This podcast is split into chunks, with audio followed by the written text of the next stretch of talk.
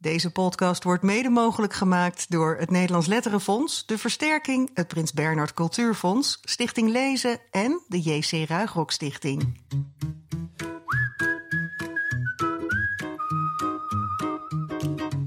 Welkom bij de 48e aflevering van de Grote Vriendelijke Podcast. Eh, Wij staan in het Lipsiusgebouw in de Universiteit eh, van Leiden. Waar zometeen de Albert Verwij-lezing plaatsvindt door Bibi Dubontak.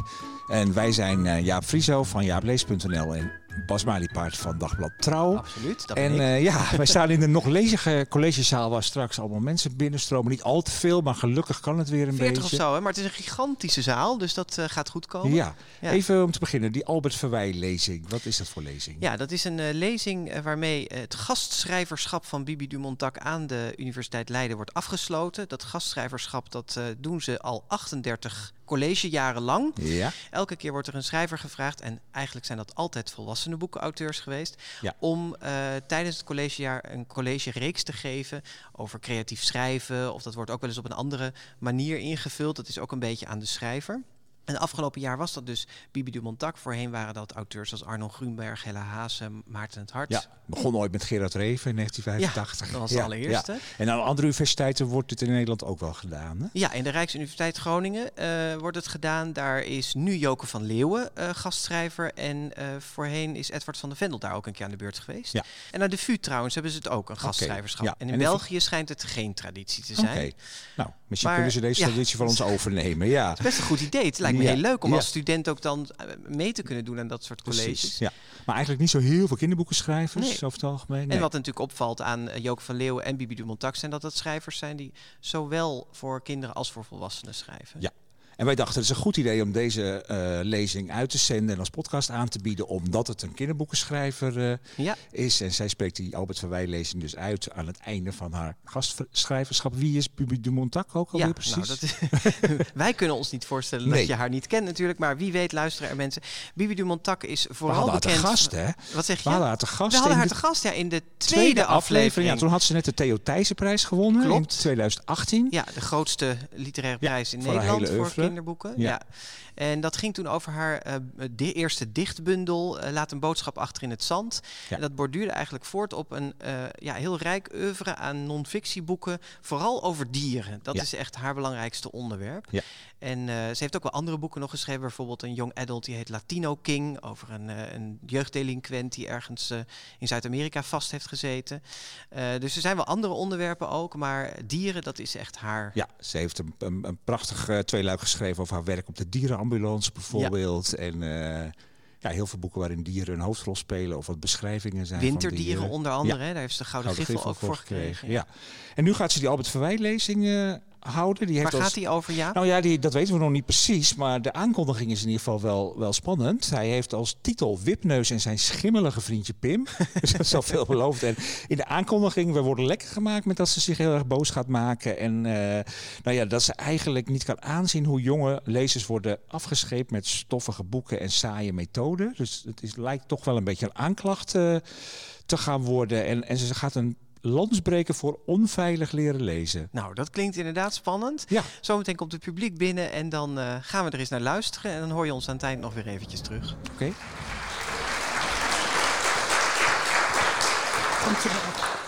Wipneus en zijn schimmelige vriendje Pim.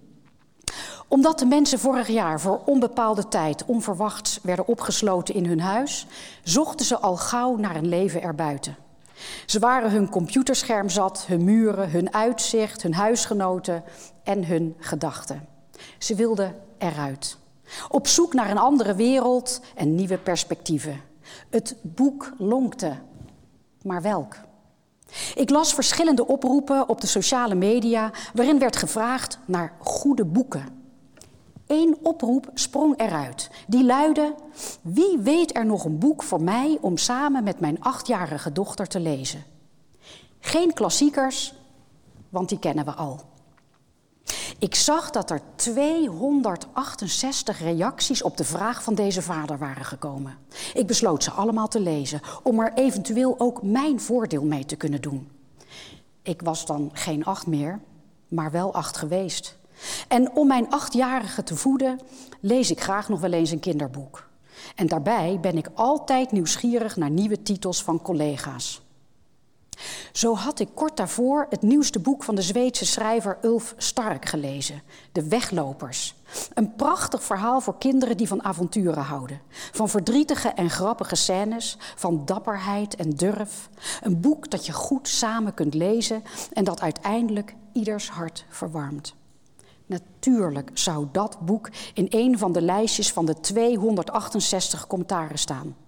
Geen klassieker, want pas één jaar oud, maar wel een boek dat die status zou kunnen bereiken. Het sloot perfect aan op de vraag van de vader. Ik zette een potje thee, installeerde me op de bank met pen en papier onder handbereik. Er joeg een verheuggolf door mijn lichaam heen. Het regende die dag en de wind raasde gezellig om het huis. De honden lagen, nat nog van de wandeling, te dromen in hun mand. Mijn verheuggolf zou een never-ending hekgolf worden, die de rest van de dag zou duren. 268 reacties lang zou ik surfen op titels en namen van nog niet ontdekte schrijvers. Er zouden zich werelden voor me openen.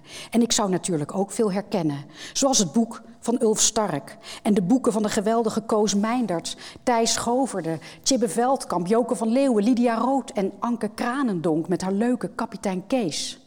Ik klikte op de opmerkingen en begon met lezen. De eerste tien boeken die door de volgers van de betreffende twitteraar werden geopperd waren... Houd u vast, 1. Mathilda. 2. Harry Potter. 3. Lord of the Rings. 4. Kruistocht in Spijkerbroek. 5. De Vijf. Zit u nog? 6. De brief voor de koning. 7. De kleine kapitein. 8. De grote vriendelijke reus. 9. Animal Farm. 10. De kleine Johannes. Natuurlijk waren er nog 258 reacties te gaan, maar toch was mijn serversgeluk reeds de pletter geslagen tegen een stel scherpe rotsen van teleurstelling, die onverwacht boven het water waren uitgerezen. Hoe kon het dat deze enthousiaste volgers alleen maar klassiekers noemden, terwijl daar expliciet niet om werd gevraagd? Ik scrolde nog even verder. Houdt u zich maar weer goed vast. Pinkeltje, Dick Trom, de scheepjongens van Bontekoe. Alleen op de wereld. W.G. van der Hulst, J.B. Schuil, Wipneus en dat rotvriendje Pim. Het kleine huis op die eindeloze pleurisprairie. Zal ik nog even doorgaan? Sissy van Marksveld, Schateiland, de Bob Evers-serie uit 1949. Hoe was dit mogelijk? Of om, of om het op zijn 2021 te zeggen, hoe dan? Hoe dan? Nederland heeft een leesprobleem. Dat wisten we natuurlijk al, maar sinds die dag kon ik het ook aantonen. En ik zal nog meer vertellen. Nederland heeft niet één leesprobleem, maar Nederland heeft er twee. Om met het eerste probleem te beginnen. Dat is een begrijpend lezen probleem. De vraag luidt: wie weet er nog een boek voor mij om samen met mijn achtjarige dochter te lezen? Die vraag wordt daarna gepreciseerd door het toegevoegde zinnetje: geen klassiekers, want die kennen we al. Je hoeft geen gevorderd lezer te zijn om te begrijpen dat je in je reactie dus niet met klassiekers aan moet komen. Maar waar komt iedereen mee aanzetten? Met klassiekers. Hoe dan? Waarschijnlijk omdat de lezers van de oproep na het vraagteken, waarmee de eerste zin afsluit, de concentratie voor de rest van het bericht al niet meer konden opbrengen. Geen klassiekers, want die kennen we al, paste simpelweg niet meer binnen hun attention span. Je kan de situatie vergelijken met: kent iemand nog een leuk restaurant om samen met mijn kinderen te gaan eten? Geen vleesrestaurants, want we zijn al jaren vegetariër. En dat er dan vervolgens 345 reacties komen waarin een stel enthousiastelingen over elkaar heen buitelt met voorstellen als de Meat Club, El Gaucho, de Rodeo Grill All You Can Eat en de Ribs Factory en niet te vergeten Boro's Balkan Grill. Wat hebben die lezers zonder uitzondering gemist? De belangrijke informatie na het vraagteken, of beter gezegd, gewoon de volgende zin. Oké, dat was probleem 1. Dan het tweede, dat me net zoveel zorgen baart als het eerste. Het lijkt namelijk of het kinderboek sinds 1970 niet meer met zijn tijd is meegegaan. Dat is het wel, maar de lezer niet. Die ziet het ook niet. De reageerders noemden boeken die tenminste een halve eeuw oud zijn. Alsof er nadien niets nieuws meer verschenen is. Je wilt voor je kinderen naast klassiekers toch ook actuele boeken die antwoord geven op actuele vragen. Weet iemand nog een leuk cadeau voor mijn achtjarige nichtje? En ja hoor, het regent direct ideeën. Een springtouw, een tol, kliklaks, punnik, paddenstoelen, sillyputty, electro of een viewmaster. Deze twee zaken, niet begrijpend kunnen lezen en niet op de hoogte zijn van nieuwe kinderboeken, hebben denk ik met elkaar te maken. Ik hoop dat voor u uiteen te kunnen zetten. En terwijl ik dit schrijf, denk ik, hoe dan? Waar te beginnen? Nou goed, ik begin maar bij het allerbeginst. We schrijven 1970. Er werd klassikaal onderwijs gegeven. Er zat een inktpotje in je tafeltje gemonteerd met daarnaast een uitgespaarde ruimte waarin een kroontjespen lag, samen met een inktlapje, een potlood en een gummetje. Er lag een telraam in je kastje en de leesplankjes stonden in de hoek van het lokaal. Aapnoot, Mies natuurlijk, Teun, Vuur, Gijs.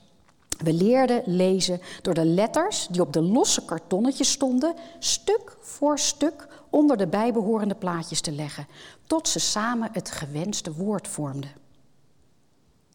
Wie klaar was, mocht iets voor zichzelf gaan doen. In onze schriftjes leerden we vervolgens alle letters van het alfabet te schrijven. Ik hield van de inkt op het papier, van de kroontjespen die je voorzichtig tot het gaatje in de inkt moet laten zakken. Niet verder, want vulde het gaatje zich namelijk met inkt, dan kreeg je onherroepelijk vlekken. Het was precisiewerk. Het jongetje achter mij zuchtte vaak, omdat hij op zijn linkerhand moest zitten en rechts moest leren schrijven. Zijn schriftje zag er altijd uit alsof het werd gebruikt om vliegen mee dood te slaan. Ik was beslist geen licht op leesgebied. Waar anderen al combinaties maakten van letters naar woorden, bleef ik een tijd lang alleen maar de afzonderlijke letters zien. Tot ik die eerste kerstvakantie, net zeven geworden, bij mijn grootmoeder ging logeren. In mijn tas zat een dik boek. Het boek van Ot en Sien. Het verzamelde werk, dat dan weer wel, hè? je moet de lat ergens leggen. Mijn grootmoeder vroeg of ik haar eruit zou willen voorlezen. Ja hoor, zei ik. Ik weet nog dat ik toen dacht, ik pak het boek, ik sla het open en ik verzin ter plekke wel een verhaal. Mijn oma schonk thee in, altijd met veel melk en suiker.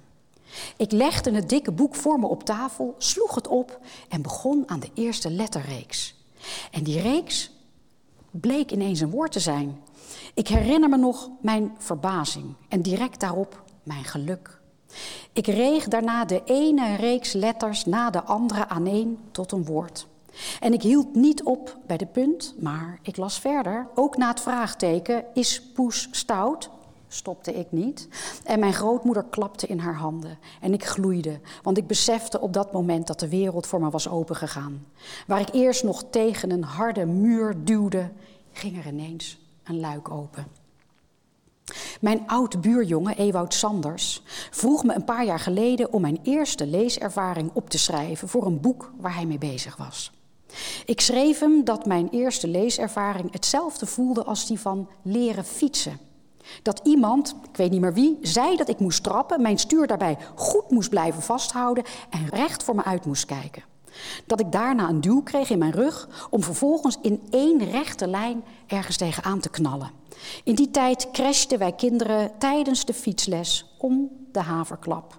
Geen zijwieltjes, maar pleisters. Geen meerennende ouders, want die rookten allemaal als schoorstenen en hielden het nog geen tien meter vol. We vielen en we stonden weer op. En onze nieuwe fietsen zagen er na een middag uit als de wrangril in de bocht van een willekeurige provinciale weg. Maar we leerden het snel. We leerden het omdat we niet telkens onderuit wilden gaan, maar bovenal leerden we het omdat we het wilden leren. Omdat er een wereld voor je openging. Omdat je verder kwam met fiets dan zonder. Ontdekken dat je kunt lezen van het een op het andere moment gaf mij dezelfde sensatie als de dag waarop ik leerde fietsen. Met de fiets zou ik kunnen wegrijden, met een boek zou ik kunnen wegreizen. Wat een ontsnappingsmogelijkheden waren erbij gekomen. In plaats van thuis bevond je je binnen de kortste keren heel ergens anders. Nieuwe vaardigheden leer je niet zonder slag of stoot. Ze kosten moeite. Er gaat een proces aan vooraf waar je soms zelfs een strijd voor moet leveren. En dat brengt me bij die twee leesproblemen waar ik het eerder al over had. Dat we slecht lezen en dat we, wanneer we lezen, behoudend lezen. We kiezen kinderboeken die we al kennen. Pietje Bel stond ook op het lijstje van de 268. Pietje Bel uit de Breestraat in Rotterdam.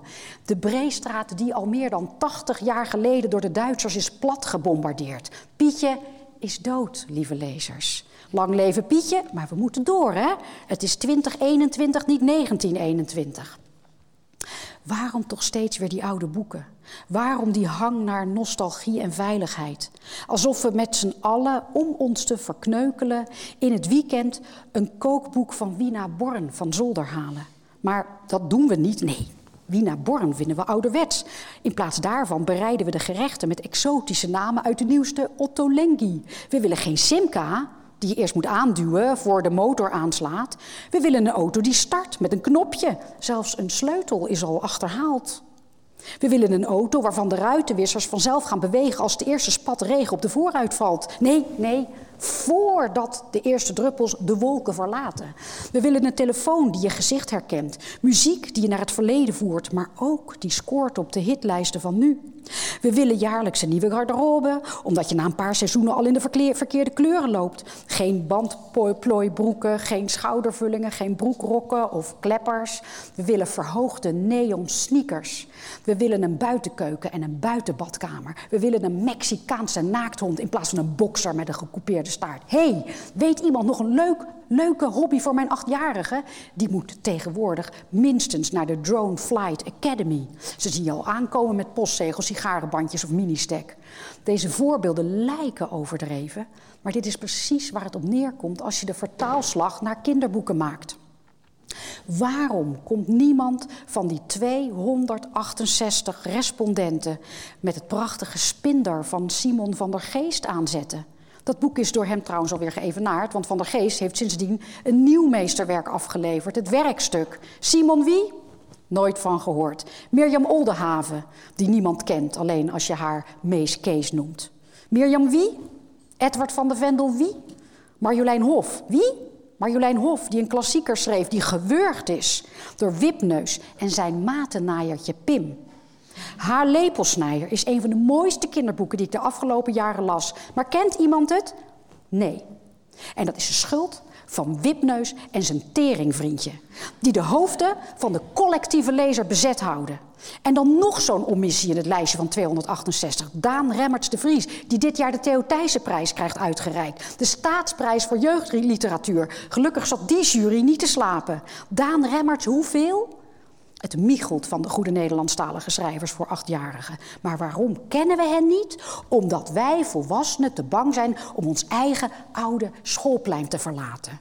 Daar waren we veilig. Daar was het goed toeven. Daar lazen we de chameleon. Nog een paar van die bedwetertjes in een bootje. Daar lazen we hoe Dolf, alweer een jongen als hoofdpersoon, in zijn superieure spijkerbroek tijdens de kruistocht de middeleeuwen uh, doorkruiste. Dit zinnetje loopt anders. Maakt niet uit. Jullie snappen wat ik bedoel. We zoeken als volwassenen de veiligheid van onze kinderkamer op. We zoeken de troost van vroeger, van een lakentje met een wollen deken erover. Van een vakantie op een camping waar je op regenachtige dagen een boek las in de verstikkende walmen van een gasvlam. Want verder was er niets te doen. Je was domweg gelukkig met de olijke tweeling Alice en Thelma Bongers. En dus moeten meisjes van acht vandaag de dag ook gelukkig zijn met de olijke tweeling. Naast hun iPhone met earpods natuurlijk. Want Jezus, je hebt toch geen draadjes meer aan je oordopjes zitten? Die gaan altijd in de knoop. Nee hoor, dat is super vervelend. Nou, van die knopen hadden Alice en Telma geen last. Want die hadden helemaal geen draadjes. En ook geen telefoon. Ja, een van bakkeliet op de gang met een enorme kabel eraan. En als die kabel in de knoop lag en je huis stond in de fik... kon je de brandweer echt niet meer bellen. Dan moest je nog uitkijken dat je niet zelf in die kabel verstrikt raakte samen met de gehaakte gordijnen en al de lucht in ging. Er is een leesmethode die naar de naam veilig leren lezen luistert. Dat vind ik persoonlijk een onheilspellende naam. Want kun je dan ook onveilig lezen? Volgens deze uitgever wel. Op hun site staat dat 80% van de schoolkinderen al jaren via hun veilige methode leert lezen. 80%! Dat zijn bijna alle Nederlandse kinderen. De uitgeverij klopt zich daarmee op de borst. Maar is dat terecht? Ik lees toch ieder jaar weer in de krant dat het leesniveau van de Nederlandse kinderen steeds verder wegzakt in het moeras der lage letterdheid. En je kunt je daaruit wel door de chameleon willen laten redden. Maar die tweeling zit al jaren aan het zuurstof in huizen Sameen Astri in het Friese dorp Lente. Voor de mensen die de Friese taal niet machtig zijn. Sameen Astri betekent zo moe als stro. Die tweeling komt dus echt niet meer in de benen, laat staan in hun bootje. Ooit kreeg ik een opdracht van deze veilige, veilig leren lezen uitgever. Of ik een verhaal wilde schrijven voor een nieuwe leesmethode. Ik werd in de verleiding gebracht door het mooie bedrag dat er tegenover stond. Er volgden instructies. Die waren niet misselijk, kan ik u vertellen. Waarvoor mijn eigen boeken geld niets hoeft, alles mag. God voor deze uitgever het tegenovergestelde. Niets mag, alles moet. Veilig leren lezen impliceert dat je eventueel uit de bocht zou kunnen vliegen met een boek. Het klinkt zo ongeveer als veilig verkeer Nederland. Wie voorzichtig te werk gaat, wie zijn gordel omdoet voor hij een boek pakt, wie kijkt of de airbag netjes zit weggeborgen in het daartoe bestemde kastje, wie zich ervan vergewist dat het anti-blokkeersysteem is ingeschakeld, de koelvloeistof op het juiste pijl staat, de remlichten en klakson werken en de lifehammer voor het grijpen ligt, die kan veilig een boek openslaan. Veilig leren lezen betekent dus niet tegen de vangrail rijden. Het betekent lezen met zijwieltjes. Deze methode, die iedere basisschool schijnt te gebruiken, leert kinderen impliciet dat lezen een levensgevaarlijke bezigheid is. En om te voorkomen dat leerlingen in een dodelijke slip geraken, moeten er vooraf tal van maatregelen worden genomen. Ik ben door een andere schoolboekenuitgeverij eens gevraagd een tekst te leveren voor AVI E5. AVI wie? Ik wist niet dat AVI tegenwoordig een vitaminecode had. Ik kreeg een lijst van instructies mee die ingewikkelder was dan de tutorial voor een IKEA-kast. De reden, de kinderen mochten niet geconfronteerd worden met een woord waar ze volgens de methode nog niet aan toe waren. Ze moesten behoed worden voor scherpe bochten, kuilen, onverlichte paaltjes op de weg. Mijn allereerste leesboekjes heten Ik lees al, Pas op school, Ik ga lezen en één stapje verder. Vier boekjes van Wilhelmina Blokker. Als je die uit had, dan was je los. Je was vrij om onderuit te gaan, vrij om te freewheelen en zelf de boeken te, uh, te kiezen die bij je pasten. En na die blokkertjes kwam de rest. Niks AVI, niks schadelijke vitaminecodes die je leesplezier bedierven. Hoorde u mij zo even schadelijk zeggen? Sla ik nou niet een heel klein beetje door? Nou, laat ik dan eens een klein onderzoekje uitvoeren en er een willekeurig veilig leren lezen boekje bij pakken. Eens kijken wat daar staat. Een kip legt vaak een ei. Het is er één per dag. Is de kip wit, dan is het ei vaak ook wit. Is het een kip die niet wit is, dan is het ei vaak ook niet wit.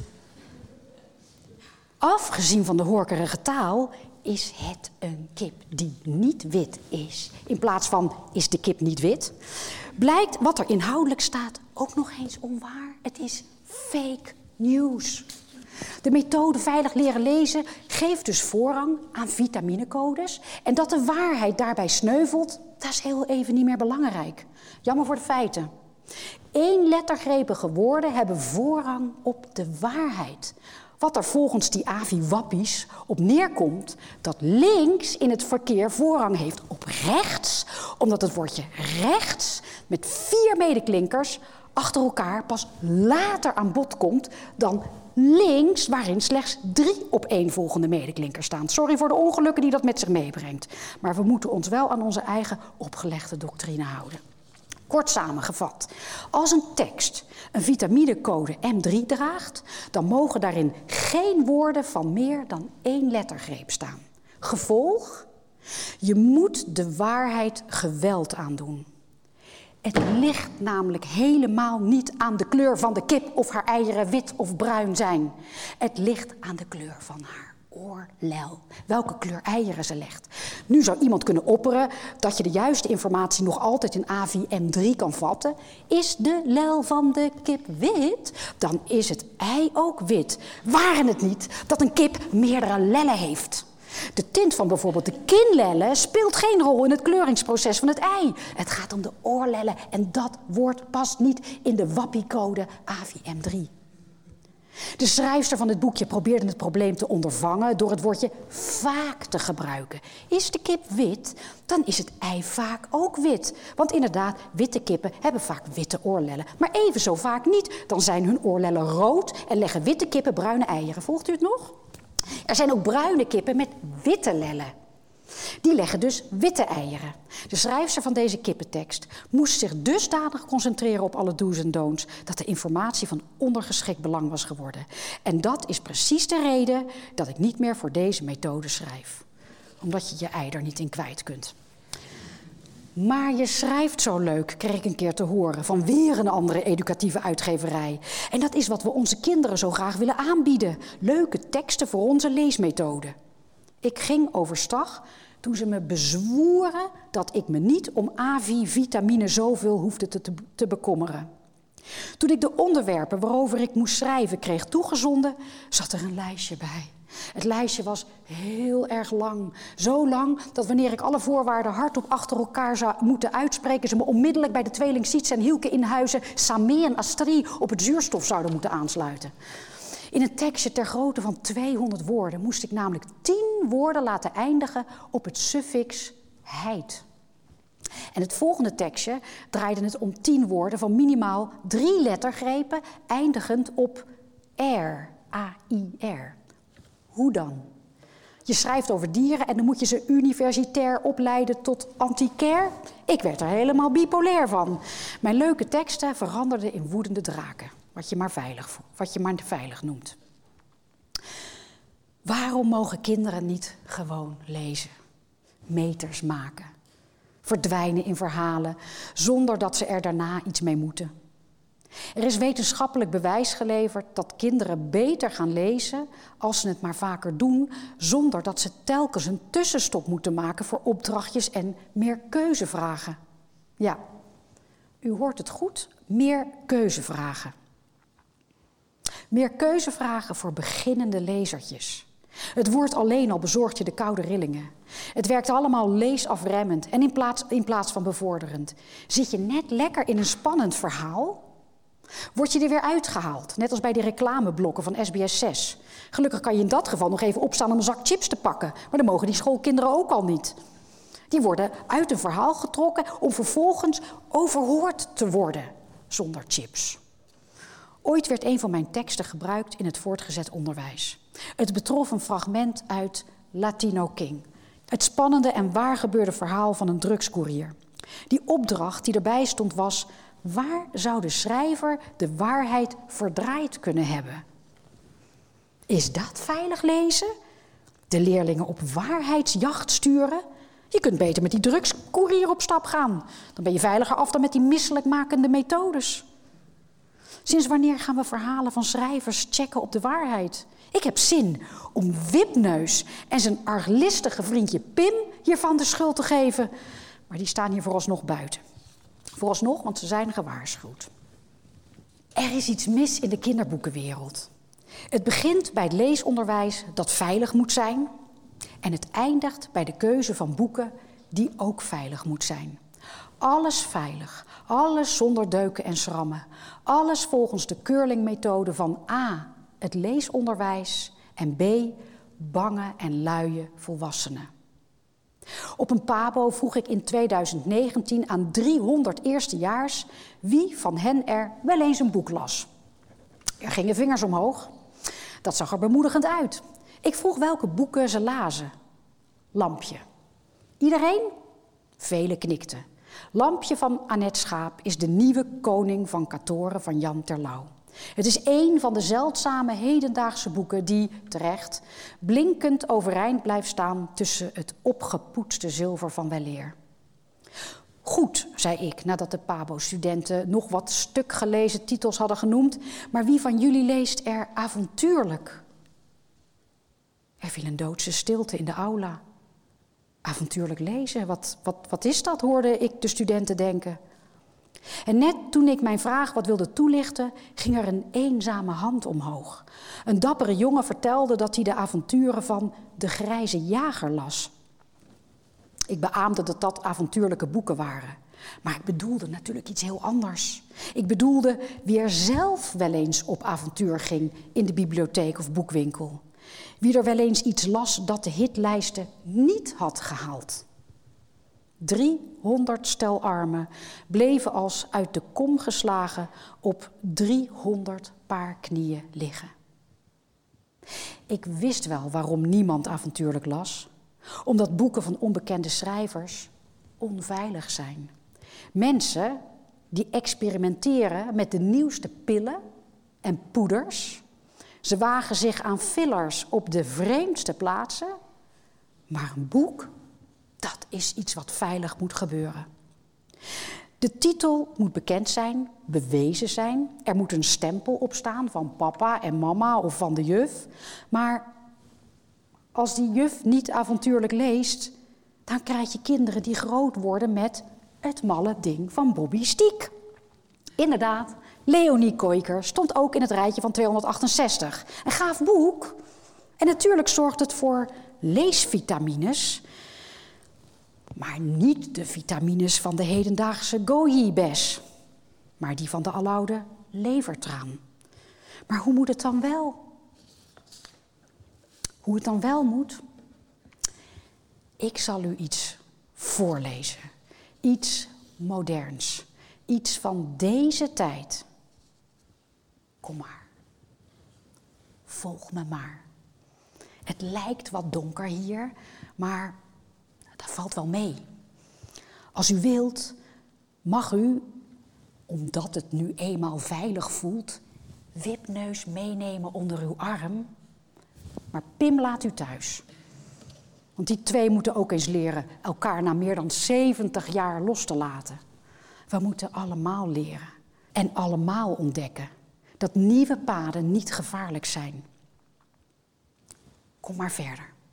Kijk, we slaan hier links af, want daar, in deze schijnbaar onveilige straat, woont een gedicht dat nog niet zo lang geleden is geschreven. Het blinkt achter het venster. Ziet u het al? Het roept u. Hoort u het? Natuurlijk is 2019 hartstikke oud als het over de nieuwste manier van koffiezetten gaat. Die manier van koffiezetten wil niemand meer, want koffie op oude manieren gezet, dat is niet te drinken. Maar de nieuwste koffie uit 2021 wil iedereen wel proberen. Hoe die manier van koffie zetten heet? Pour-over koffie. En weet u hoe mijn omaatje, dat me toejuichte toen ik haar voor het eerst voorlas uit Ot en Sien, die manier van koffie zetten noemde? Ze noemde het opschenken. Waarmee ik wil zeggen dat nieuwe koffiezetmethoden net zo goed zijn als de oude. Waarmee ik wil zeggen dat nieuwe boeken net zo goed zijn als de oude. Dus volg me maar. We gaan aanbellen. We gaan aanbellen bij het gedicht dat iedereen moet leren kennen, omdat het zo shocking mooi is. Het is modern, maar niet onveilig. Vertrouw me maar. Ik heb het al 37 keer gelezen en ik leef nog, ziet u? Bovendien heb je het eenmaal gelezen dan wil je er weer opnieuw aan beginnen. Omdat er na die eerste lezing nog zoveel meer te ontdekken is. Je zou het gedicht zelfs door het raam heen willen trekken om de zon erop te laten schijnen. Iedereen, iedereen die bij deze tekst een lesje wil maken of er een code op wil plakken, mag van mij levenslang bij de ANWB live met keramische hamerkoppen en ingebouwde gordelmessen gaan verkopen. Die heeft namelijk helemaal niet begrepen waar het bij lezen om draait. We staan voor de deur. De deur van het gedicht. Voelt u de warmte al? We bellen aan. Niet terugdeinzen nu. Het gedicht doet open samen met de andere gedichten die in de bundel staan. Een bundel waarin de lezer per gedicht advies krijgt wat je in bepaalde situaties moet doen. Bijvoorbeeld wat je moet doen als je over een nijlpaard struikelt. Hoe veilig is dat? Je krijgt actuele oplossingen voor actuele problemen. Dus gordels los, veiligheidshamer uit het raam, schakel het ABS, ESP en e-call systeem uit, zeg de wegenwachtservice op, daar gaan we. Ik stel u voor aan het gedicht wat je moet doen als je moeder huilt. En het is geschreven door Edward van der Vendel. Wat je moet doen als je moeder huilt. Ga naast haar zitten, tegen haar aangeschoven, je armen van onder tot boven dicht op die van haar. Laat het praten maar aan vaders over, aan vriendinnen en aan zussen. En je hoeft de tranen ook niet van haar slapen af te kussen. Je hoeft niets te begrijpen, niets te vragen. Je hoeft haar alleen maar te schragen. Schragen, dat betekent steunen. Met je lichaam dus. Als ze voelt dat ze eventjes op je mag leunen, spoelt er een beetje gedoe uit haar hoofd. Hoe? Dat doet er niet toe. Iets met draagkrachtverschuiving en onverwachte aandachtshydrauliek. Maar de precieze mechaniek maakt jou en je moeder natuurlijk niets uit. Je zit huid aan huid en je merkt na een fijne, zachte tijd dat het werkt. Mama giet eindelijk geen verdriet meer op de dingen. En buiten begint de zon Griekse liedjes te zingen. Dit gedicht wilde ik met u delen omdat het laat zien dat het niet de codes, stempels en oefeningen zijn die de veiligheid bieden, maar de woorden zelf. We waren gaandeweg helemaal vergeten dat je meer troost kunt vinden in een verhaal dan in het vinkje van een leerkracht. Want dat vinkje leert je niet wat empathie is. Hoe het eruit ziet aan de andere kant van de stad. Er is geen kind, geen mens dat zich raad weet bij een huilende moeder. Want als je moeder huilt, dan lijkt het of de hele wereld huilt. Wat heb je dan aan al die gemankeerde meerkeuzevragen en al, aan al die schijnveilige AVI-niveaus? Het zijn de woorden en de verhalen die je vertellen wat je zou kunnen doen.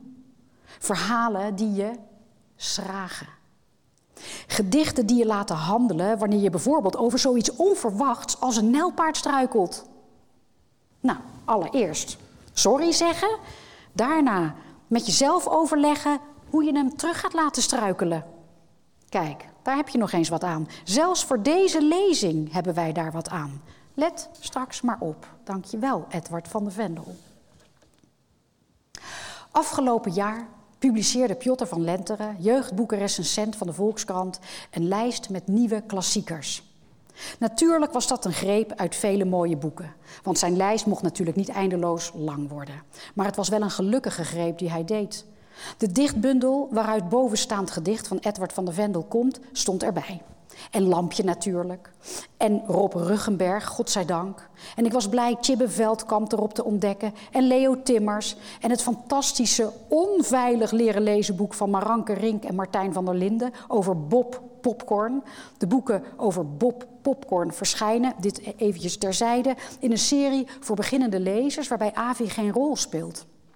Wat in die serie wel een rol speelt? Lol hebben, willen lezen, verdwijnen in een wereld zonder rotopdrachten en saaie voorgeprogrammeerde paden met rubberen tegels. Die serie heet Tijgerlezen. Erachter staat in kleine letters gelukkig leren lezen. En dat is precies wat er moet gebeuren. Lezers gelukkig maken. Met voorzichtigheid bereik je dat niet. Je bereikt het alleen met durf. Dan weer terug naar die 268 reacties op Twitter. Gelukkig bleek dat enkele wel degelijk konden lezen. Zo werd Zep van Gideon Samson genoemd, Gips van Anna Woltz, Iep van Joke van Leeuwen, Hotel de Grote L van Sjoerd Kuiper, Wij waren hier eerst van Joukje Akveld. De naam Wouter Klootwijk kwam langs, net als die van Marta Heesen, Veronica Hazelhof, Arend van Dam, Marloes Morshuis, Pieter Koolwijk, Peter van Gestel en Guus Kuijer. Maar dat was het alweer hoor, had u zich niets in het hoofd. Dertien hedendaagse namen uit de laatste twintig jaar jeugdliteratuur. Hazelhof en Van Gestel zullen daar niets meer aan toe kunnen voegen, omdat zij niet meer onder ons zijn. Maar gelukkig werden beide in ieder geval genoemd. Hun winterijs en bezoek van Mr. P mogen niet, ik zeg niet, overschaduwd worden door types als Wipneus en zijn aan bederf onderhevige vriendje Pim. In deze lezing heb ik hem 269ste reactie willen geven. Ik heb onder andere willen aantonen dat de macht van sommige uitgevers veel te groot is geworden, waardoor we geëvolueerd zijn tot een lam geslagen leesvolk.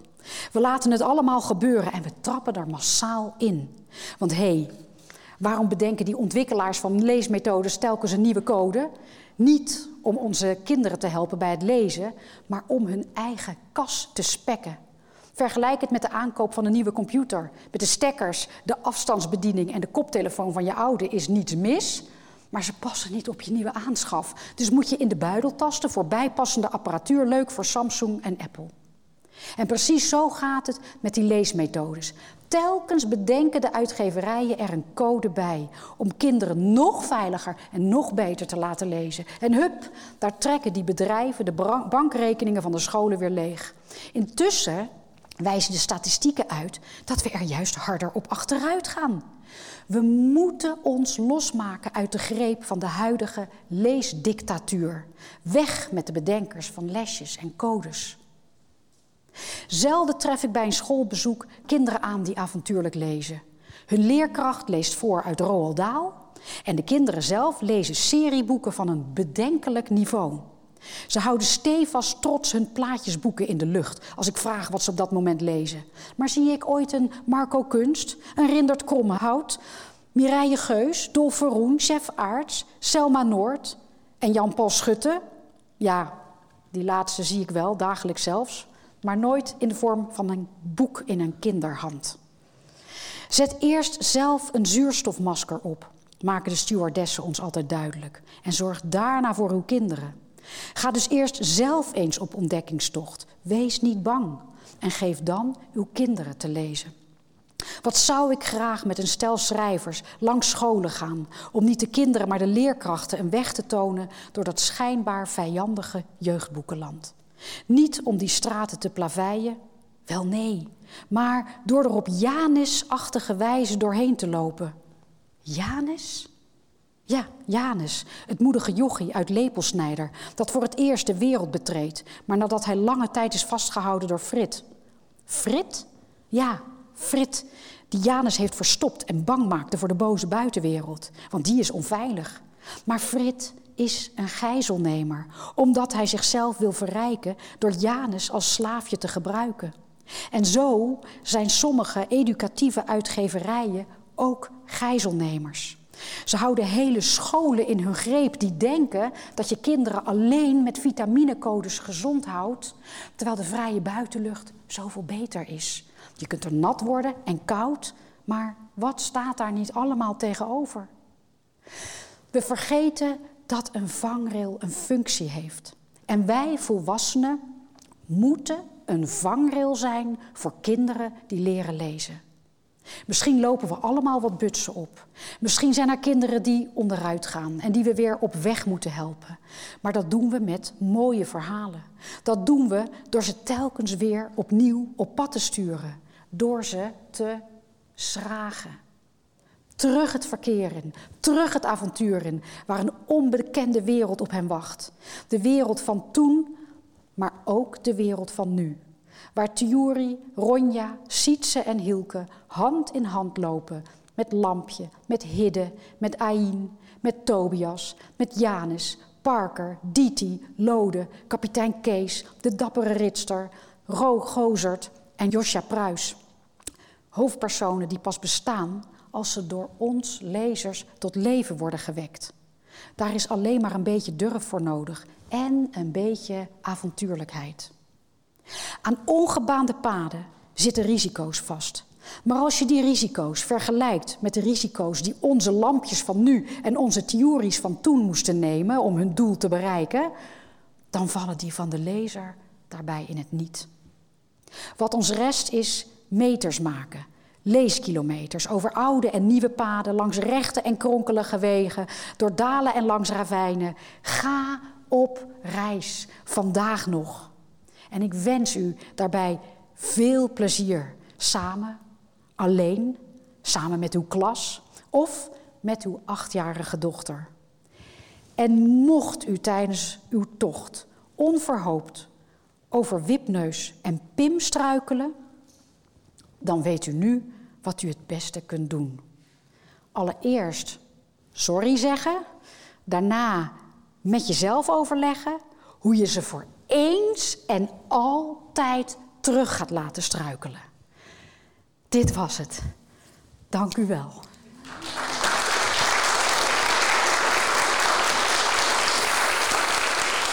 Zo, dat was een lezing. Eigenlijk had je Bibi er ook bij moeten zien. Dat kan niet in de podcast, maar het is bijna een... theater, hè? Het is theater, het is stand-up comedy bijna. Hè? Wat Ja. doet ze dat geweldig. Ze staat Ja, te gesticuleren en het gaat in één adem door. Ik heb echt, ik weet niet hoe lang het duurde, maar eh, ja, ademloos zitten luisteren. Ja, het was eh, hartstikke leuk Ja. om naar te luisteren. Eh, wat heb jij er eigenlijk als belangrijkste uit overgehouden? Nou ja, het was wel een aanklacht voor een deel. Het leek even heel erg een aanklacht te worden tegen het lezen van klassiekers. Ja. Dat was het uiteindelijk niet, hè? want ze zei toch van theorie en lampje kunnen hand in hand gaan. Dus het, nou ja, dat is, lees klassiekers. Maar le- het was eigenlijk ook wel heel erg een pleidooi wat wij in de GVP natuurlijk ook doen voor moderne jeugdliteratuur. En hoeveel mooister is in ja, Nederland. tegen eenkennigheid eigenlijk. Ja. Hè? Want da- dat is natuurlijk wat je. Wat mijn ervaring overigens ook is op heel veel scholen als ik daar lezingen geef. Is dat leerkrachten vaak best goed op de hoogte zijn van de klassiekers uit hun eigen jeugd.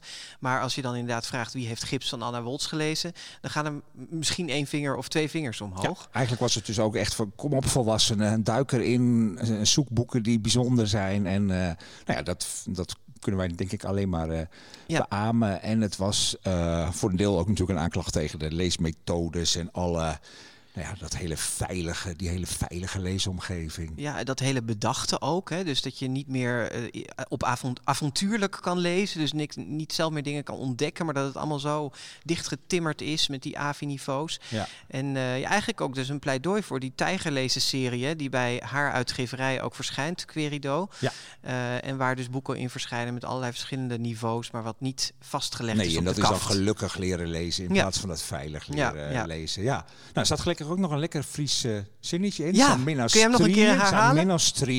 Ja, doet mij Ik zag jou meteen helemaal gloeien hier in de zaal. Goed, ja. Nee, het was echt een, eh, een, een, een, eh, lekkere lezing. Het is een mooi boekje van... eh Is ook te koop in de winkel voor eh 7,50 geloof ik dacht bij de boekwinkel. ja, Staat de hele tekst nog weer in. Dus eh, nou ja, hier kunnen we ons weer aan, eh aan laven aan deze... Het zet aan tot nadenken, zeg je dan, ja, toch? dat is, maar dat is ook ja, echt nee, wel- maar dat is ja. ook wel waar. Ja, Ja. absoluut. Wij namen deze aflevering dan op, hè, of de lezing op 23 juni, eh, op woensdag in het gebouw. Lipsius in Leiden. En Mark Brouwer ging weer met ons mee voor de techniek. Zo konden we nog altijd af, dus dat doe ik nu ook maar even. Ja, heel goed, heel goed. Je zit er helemaal in. binnenkort nog weer een keer voor de zomer. En dan hebben we Yvonne Jachtenberg te gast. Met een hele nieuwe jeugdroman. Precies, die iedereen nou maar moet lezen. Precies. Ja, ja. tot dan. Tot dan.